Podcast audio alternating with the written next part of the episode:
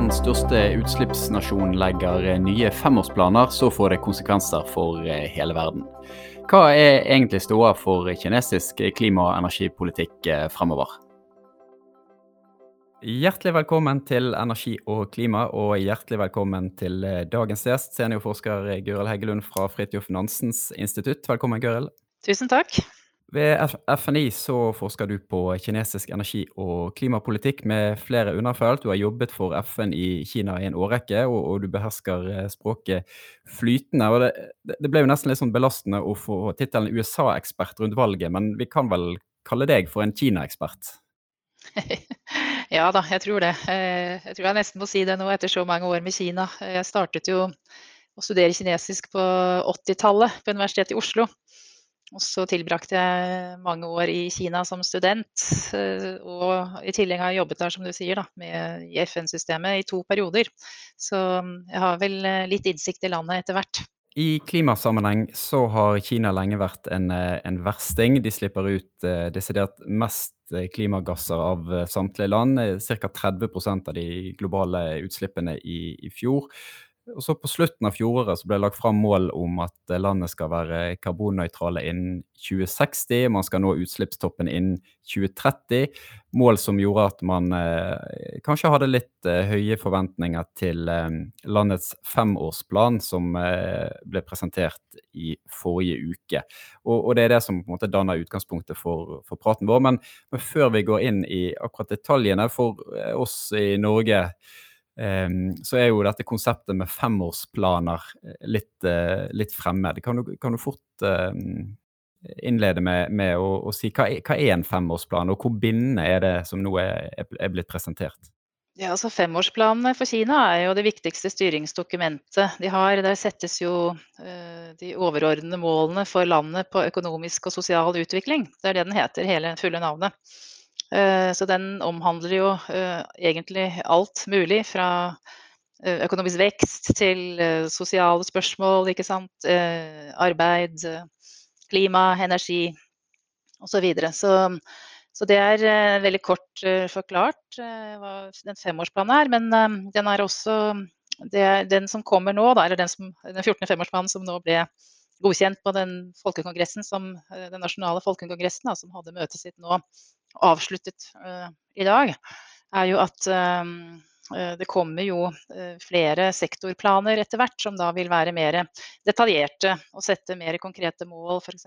For, for, energi og klima utover i provinser og, og byer. Og, og inni klimaplanen så har man ofte en kombinasjon av bindende og mer indikative mål.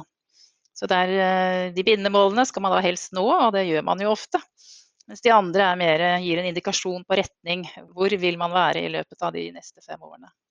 Så det er meget kort eh, forklart.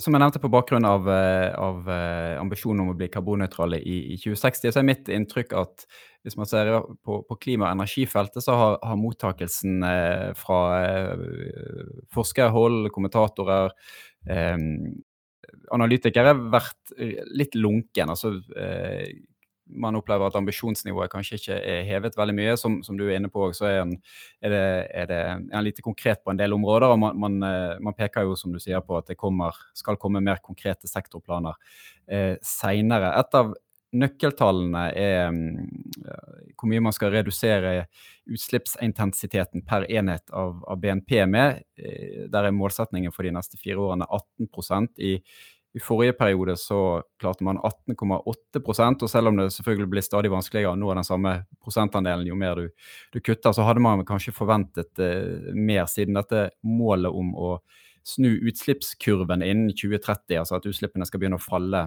eh, i løpet av dette tiåret, ligger fast. Hva er ditt førsteinntrykk eh, av det du har lest til nå, eh, Gøril? Altså, det er jo det samme for så vidt. Altså, man hadde jo kanskje tenkt at det ville kommet eh, litt uh, flere ambisiøse mål i, uh, i, denne planen. Som du sier, så er det altså 18% som er altså karbonintensiteten, da, eller ja Det er den samme som faktisk da i, i den 14. Uh, sorry, uh, i den 13. femårsplanen. Og Det samme gjelder jo også faktisk på energiintensitet. Uh, der har det jo faktisk gått ned. altså Det er 13,5% i forhold til 15 så, så det ble jo et litt lavere ambisjonsnivå enn man hadde forestilt seg, egentlig, med tanke på at, at Kina da har satt disse At man skal nå en utslippstopp da før 2030, og at man da skal være karbonnøytrale innen 2060. Så man får litt blandede signaler fra Kina på dette her. Um, en annen ting som man også vet seg eh, merke i, f.eks. når det gjelder den nye planen, er jo det at de har satt uh, mål om økt uh, altså BNP på 6% bare for 2021.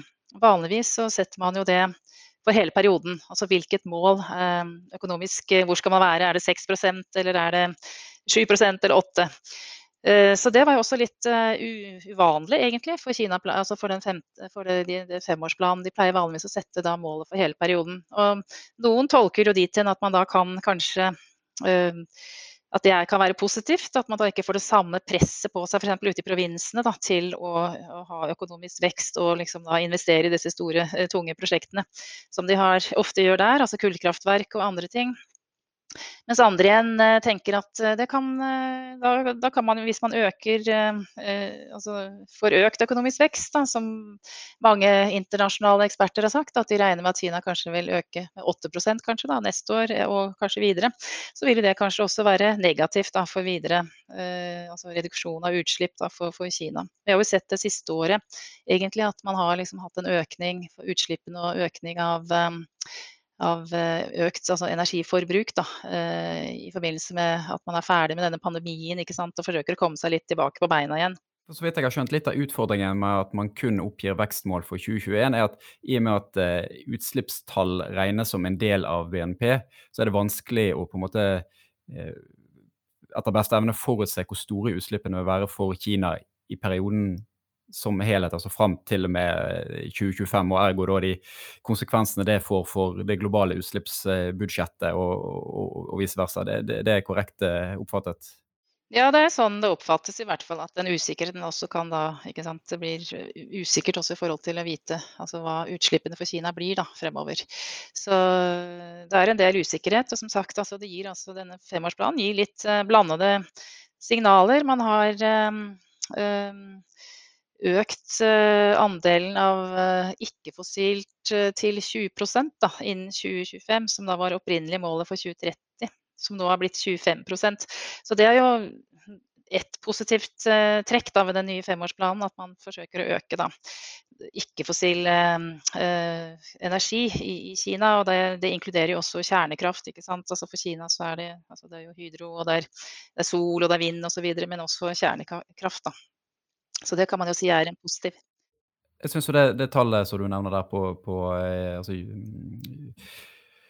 på, på prosentandelen ikke-fossilt, det er litt sånn pedagogisk interessant. For, for jeg, meg som sitter og leser eh, om Kina fra Norge, og ofte er det jo engelskspråklige eh, medier, amerikanske eller, eller eh, engelskspråklige asiatiske medier, så får jeg jo inntrykk av at det bygges ut enormt med fornybar energi i Kina. Og det, og det gjør det jo òg, eh, for så vidt. Eh, absolutt. Altså, det er verdens største av det ene og det andre. Men, men så ser man liksom at andelen allikevel er så forsvinnende liten. Og det, det får jo fram hvor, hvor kulldrevet eh, økonomien er. Og det er jo gjerne det jeg ser mange har trukket fram nå i, i forbindelse med denne koronarestarten, at man har eh, fyrt, eh, fyrt med kull for å og, og, få opp igjen eh, farten. Men, men, det jeg egentlig mm, skulle videre til, det var eh, altså, hvor stor er egentlig enigheten innad i Kina om retningen i klima- og, og energipolitikken? Altså,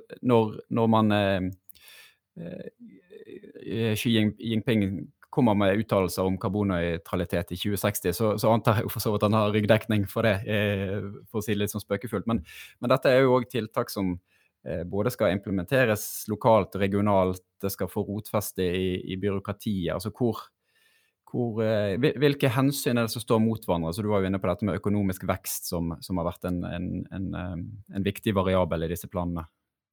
Ja, nei, altså det er, det er jo et godt spørsmål, selvfølgelig. Altså, Kina eh, virker jo utad som veldig eh, enhetlig. At man er enige om alt eh, som kommer da fra sentralmyndighetene i, i Beijing. Men sånn er det jo egentlig ikke. Altså, det er mange aktører og interesser i, innad i Kina, og du nevner bl.a. provinsene f.eks. Selvfølgelig de, kan de ha litt andre interesser enn sentralmyndighetene på mange måter. Altså, man er jo opptatt av økonomisk vekst uh, i, uh, og, og, arbeid, altså at man finner arbeid til folk. ikke sant? Og uh, fattigdomsbekjempelse osv. Utover i provinsene. Altså, Kina er jo veldig ujevnt når det gjelder økonomisk vekst i de forskjellige provinsene. Man vet jo at de provinsene i øst er rikere enn de som er i vest, f.eks.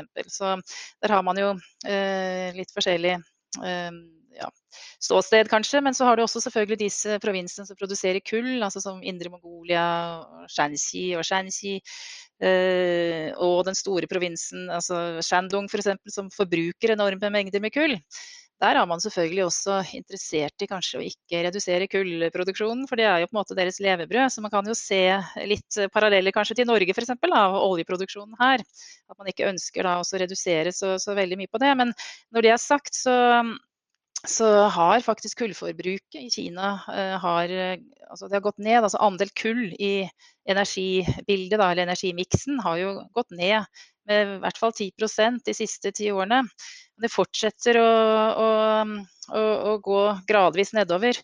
Altså Kinas uh, sentral, det, statistiske sentralbyrå i Kina de, sa i sin siste rapport at fra 2019 til 2020 så har kull, eh, andelen kull gått ned med 1% igjen altså fra, i løpet av det året. Og kull utgjør dermed da ca. 56,8% av det totale energibildet i Kina. Så, så, det er på vei ned. Men men så har jo CO2-utslippene har jo økt med ca. 1,5 i 2020 eller noe sånt, 1,5% i 2020. Men det er jo ikke bare kull vet du, som utgjør eh, utfordringene der. Det er jo også også oljeforbruk eh, i transport og annen sektor. Så, så det utgjør jo så Du kan jo si at hvis du har nesten 57 eh, med kull, da, eh, så, har du da, så kommer oljen i tillegg. Så du har jo noen og 80% faktisk som er, altså nei, er fossil uh, i energibildet i Kina. Så da virker jo selvfølgelig dette med 20% non-fossil, eller ikke fossilt, da, det virker jo ikke så stort. Så det er en trend, og det er mange kinesiske eksperter som mener i hvert fall det, at kull er på vei ned i, Kina. Man kommer ikke til å fortsette den økningen som man har hatt eh, i tidligere år. Så, men eh, ja, det er i hvert fall Det er jo positivt på en måte. Og det, du kan jo si altså, tilbake til disse sektorplanene som man da forventer at det skal komme konkrete mål i. I den forrige sektorplanen for energiutvikling så kom jo dette målet om 58% Altså kull skulle ikke utgjøre mer enn, helst mindre enn 58% av all energi i Kina. Og det var jo for første gang at de satte et sånt mål i en, en femårsplan. Eh, så, så, det var jo et viktig, eh, et viktig mål for Kina, og det har de jo klart. Da ser vi jo at de er nå under 57 av, ifølge kinesiske statistikk. Ja, for det, det var egentlig neste spørsmålet mitt. Hvor pålitelig er eh, kinesiske datakilder når det gjelder rapportering og eh, i, i, i, det, i, det, globale bildet så har man jo en egen interesse i å oppnå klimamål. Du nevner dette eksempelet med, med kullandel for å si, se bra ut, eh, for å bruke et litt flåsete uttrykk. Hva, hvor troverdig er kinesisk statistikk. Altså For meg som, som journalist, jeg, jeg syns jo dette er et krevende felt fordi jeg ikke behersker språket og sliter litt med å slett finne gode primærkilder som, eh, som jeg kan et, eller etter beste evne ettergå på egen hånd.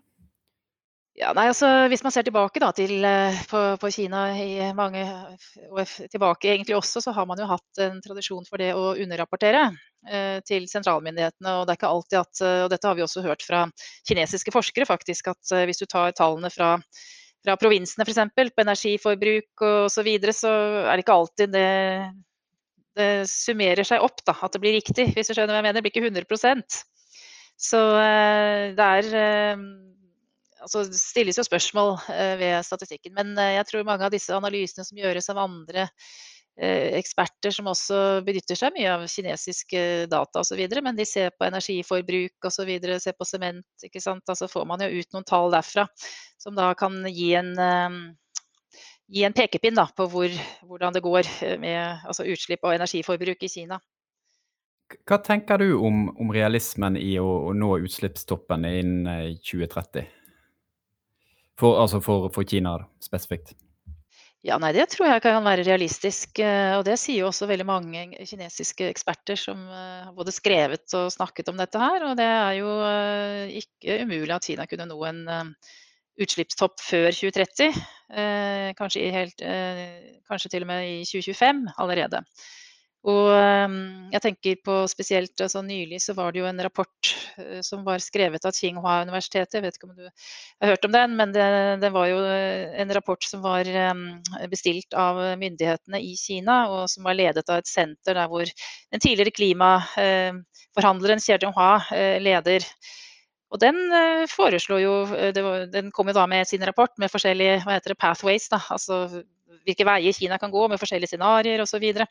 så um, der uh, foreslår man jo faktisk uh, absolutt uh, utslippscaps, tak for Kina bl.a. Uh, Kina bruker nå ikke sant, karbonintensitetsmål. Pluss at man også foreslår utslippstopp før 2030, altså 2025 bl.a. Så så du har eh, mye forskning som pågår i Kina på disse spørsmålene. Dette, dette 2060-målet som Xi Jinping kom med på generalforsamlingen da, i FN, eller i forbindelse med generalforsamlingen i FN, var jo ikke tatt ut av, av uh, lufta, liksom. Altså, det er jo en del uh, forskere de har jo Både Tsinghua universitetet er jo veldig anerkjent universitet. Uh, du har Energy Research Institute, som er en, et institutt som er under den store kommisjonen, altså den NDRC, som den heter, eh, som, får, som, hele tiden holder på med eh, forskning på disse spørsmålene og hvordan Kina best kan eh, slippe, altså kutte utslippene og bruke mindre fossile brennstoff. Da. Og Det er jo et poeng som jeg syns er litt viktig å få frem. At Kina har jo en egeninteresse av av å gjøre dette her. Altså, de er på en måte ikke pålagt utenifra at OK, de syns det er OK å, være, å, ha et godt image ute i verden. Altså, nå fikk jo Kina mye positiv eh, tilbakemelding pga. dette 2060-målet.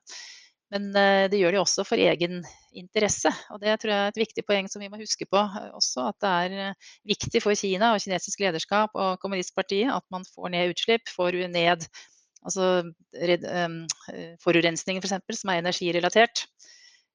for folk er jo ikke fornøyd med akkurat den type altså liv, og ikke kunne se blå himmel i det hele tatt. Og vokse opp i den type miljø. Og dette er jo kanskje det største, egentlig. og det beste hva skal jeg si for noe, veien å gå gjennom energi og forurensning, på en måte. Da har du også klima. ikke sant? Altså, så klima, Energipolitikken og forurensningspolitikken er jo på en måte eh, ja, et åpent vindu hvor man kan på en måte få gjort noe da, med, med disse spørsmålene i Kina.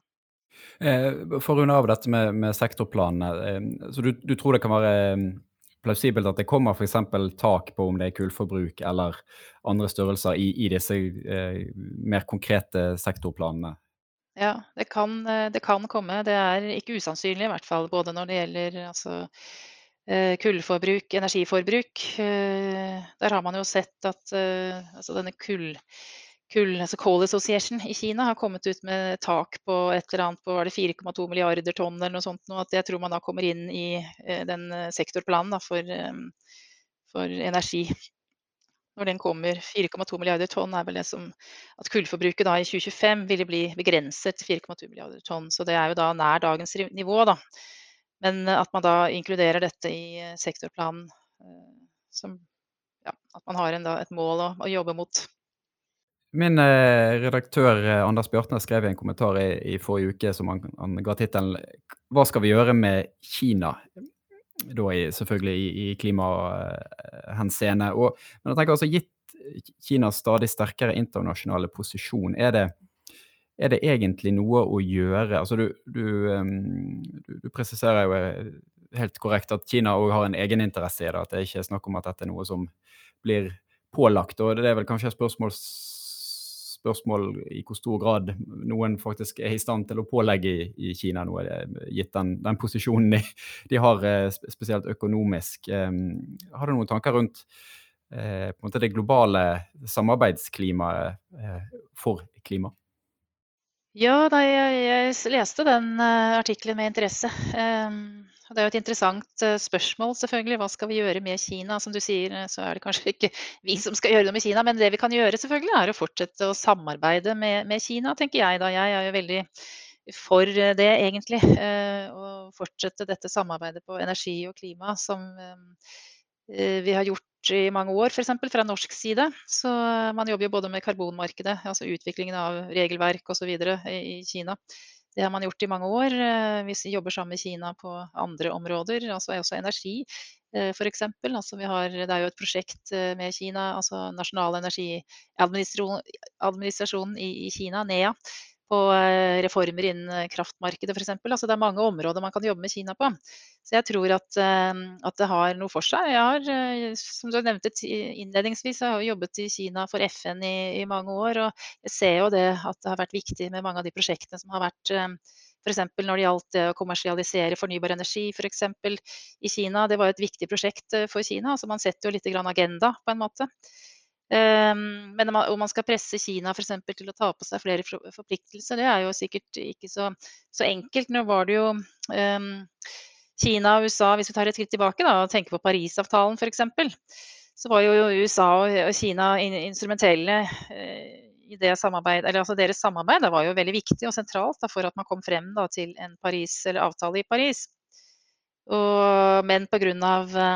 Altså utfordringer med USA og forholdet der, så venter jo Kina seg litt mer mot EU eh, i de senere år og senere tid. Og EU og Kina hadde jo toppmøte i fjor høst, hvor også da virtuelt, da, riktignok, men uh, hvor man også da foreslo fra EUs side at man skulle da ta uh, gå for karbonnøytralitet. De hadde vel kanskje foreslått 2050, men i hvert fall rett etter det så kommer da Xi Jinping med sitt forslag om karbonnøytralitet på 2060. Nå tror ikke jeg at det at EU var altså det toppmøtet, at det var årsaken til at, eh, at eh, Kina kom med det eh, karbonnøytralitetsmålet sitt i 2060. Det tror jeg ikke. Jeg tror dette har vært tenkt på i Kina tidligere allerede, gjennom forskning osv. Men nå er jo da, altså hvis man ser fremover, da, så har det jo vært litt bevegelse, virker det som, i dette mulige samarbeidet mellom Kina og USA. Nå er jo John Kerry blitt USAs klimautsending, og Kina har jo nå tatt inn igjen sin gode gamle eh, klimautsending, Xie Hua, som var ansvarlig for klimaforhandlingene og, som kom frem da, til, til Parisavtalen f.eks.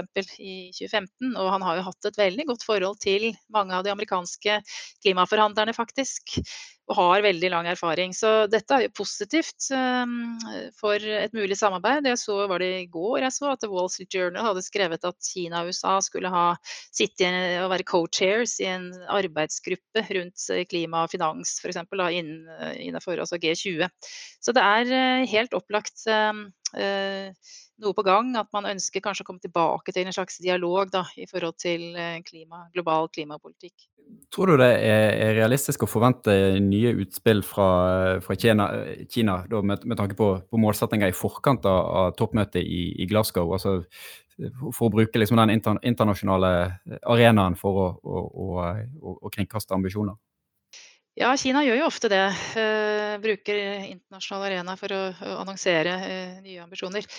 Men eh, jeg er litt usikker på det nå denne gangen, siden altså dette 2060-målet er kommet. Du har altså dette 2030, at man skal nå eh, utslippstoppen før 2030. ikke sant? Altså De sa jo tidligere at det skulle være rundt 2030, men nå er også, det ble også presisert av Xi Jinping at det skulle være før 2030. Eh, og så har han også, De har jo også kommet med en, en forbedring av dette NDC-målet sitt, altså 65% da, sammenlignet med 2005-nivå. Tidligere var det jo da 60, eh, mellom 60 og 65% Så man har jo allerede på en måte kommet eh, med noen eh, høyere ambisjoner. Så jeg er litt usikker på om, hvor de da eventuelt skulle gjøre det. Altså man har jo også hørt om at ja, er det mulig at Kina kommer med absolutte tak osv. på utslippene sine, altså cap.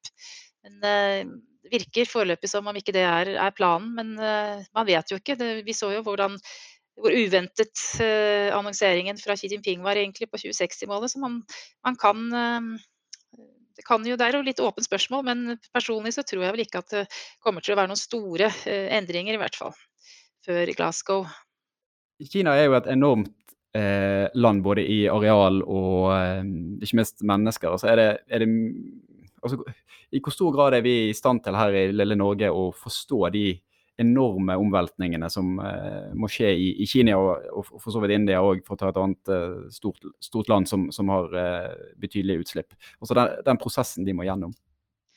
Ja, nei, jeg tror at det er veldig vanskelig for oss i, i Norge å forstå utfordringene, utfordringene, som Kina og også India til en stor grad også. Det er jo samme, nesten samme befolkning i begge landene hva slags utfordringer de har. Eh, både når det gjelder eh, altså, folketall, eh, altså de svære, det svære landet med masse, de, masse, store provinser som er som land. Ikke sant? Altså, vi har jo f.eks. eksempler på hvordan eh, Tyskland og, og, og, denne provinsen Shandong omtrent har samme forbruk av kull i 2018 f.eks. Altså, det er et, et, eksempel på hvor vanskelig denne snuoperasjonen faktisk er for Kina.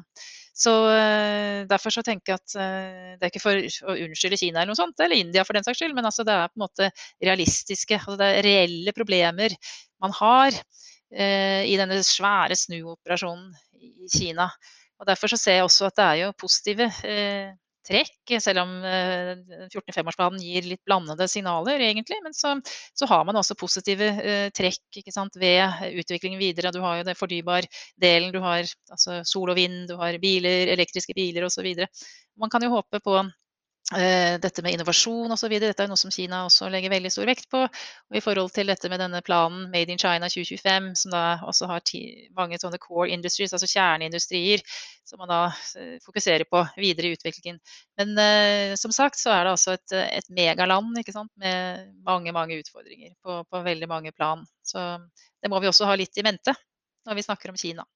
Nå har vi jo snakket mye om eh, utslippstak og klimagasser og, og, CO2, men hvis man ser litt sånn, eh, mer på, på, næringsperspektivet på det altså, Når jeg gikk på, på sammenlignende politikk på Universitetet i Bergen for noen år siden, så, så lærte vi om, om, hvordan Kina bidro i Afrika med å finansiere infrastruktur og knyttet geopolitiske eh, bånd til, eh, til, en rekke afrikanske eh, land. Eh, en slags infrastrukturkolonialisme, kolonialisme, skråstrek uhjelp, for å bruke et begrep som sikkert er herlig upresist. Men eh, de har jo fått innflytelse gjennom å, å, å støtte infrastruktur eh, ved å ofte bruke statlige selskaper. Så er det mulig å se for seg en, en, lignende, av, nei, en lignende utøvelse av, av innflytelse gjennom eksport av klimateknologi. Jeg ser at f.eks. så har, har det på ganske kort tid eh, kommet en rekke store vindturbinprodusenter som har overtatt markedsandeler fra, fra de vi kjenner her hjemme, danske Vestas etc. Altså at man, man, eh, man ser for seg en, en, en eksportrettet industri, og ikke bare jobbe på hjemmebane. Ja, altså det er vel noe som alle land bedriver med, er det ikke det? At man eksporterer teknologi og, og knowledge på en måte til eh, andre land. Og om det knyttes da til det du nevnte i forhold til bistand osv., eller om det er bare altså business as usual. Da vet jeg f.eks. I forhold til klima og energi, så har jo Kina mm, for mange, flere år siden, det var, jeg var ved UNDP i Beijing faktisk, og de etablerte noe de kaller sør-sør-samarbeid på klima f.eks. Og de har også et sånt sør-sør-samarbeid-fond. Og når man nå snakker om dette med bistand, så kom Kina nå i januar med sitt nye altså white paper, da, et dokument for hva bistanden skal eh, være for Kina. Og der har man jo et lite, bitte lite skifte egentlig i forhold til tidligere, kanskje. Altså de, den forrige var fra 2014, og dette er jo da nytt da, fra, fra januar. Og, og, man har litt mer sånn human focus, altså man fokuserer mer liksom på menneskelig og ikke bare på teknologi osv. Så, videre. så det er et lite skifte da i bistanden i hvert fall. Men dette med altså næringen og eksport og selvfølgelig, vi har jo sett i forhold til, eh, som du sier, altså eksport av vind, vindturbiner, eller altså i forhold til vind da, og sol, så har jo Kina vært store ikke sant, på eksport. Så det vil jo være altså, det, det, vil jo være noe av det samme som andre land gjør, vil jeg si, egentlig. Eh, men om man da har f.eks. Det har jo også vært kritisert mye med Kina, at de har lå, gir lån til, til, en del land, og så at landene blir veldig avhengige av Kina på en måte. Og det, det, er jo et eget forskningsfelt som man kan kikke litt nærmere på, selvfølgelig. Men det er jo både og der, tror jeg. Det er eh, både negative og positive sider ved akkurat den saken. Så så vi, vi, får bare se. Men vi ser jo det i Norge også, at det kommer med eh, import av noen elektriske biler til eh, Norge, faktisk. Det kommer jo nå i løpet av våren en bil som heter Hung Ti, det betyr rødt flagg på kinesisk. Og den eh, skal visst kunne kjøre 400 km eller noe sånt, og 400-500 km på batteri. Så der er jo Det blir spennende eh, område å følge med på, egentlig. Transportsektoren og det med elektriske kjøretøy osv. Hvordan det kommer til å spille ut videre. I, eh, både for Kinas egen del og for oss som er på den import, det, importsiden. Med det navnet så høres det ut som en eh, perfekt bil for eh, Bjørnar Moxnes hvis de skal kjøpe partibil i, i Rødt. tusen takk, Gørel, for at du var med på podkasten utrolig interessant å få innblikk i eh, kinesisk klima- og energipolitikk. Vi skal som vanlig avslutte med å gi en uh, lytteranbefaling uh, som vi har plukket med oss. Jeg kan kanskje starte med min egen.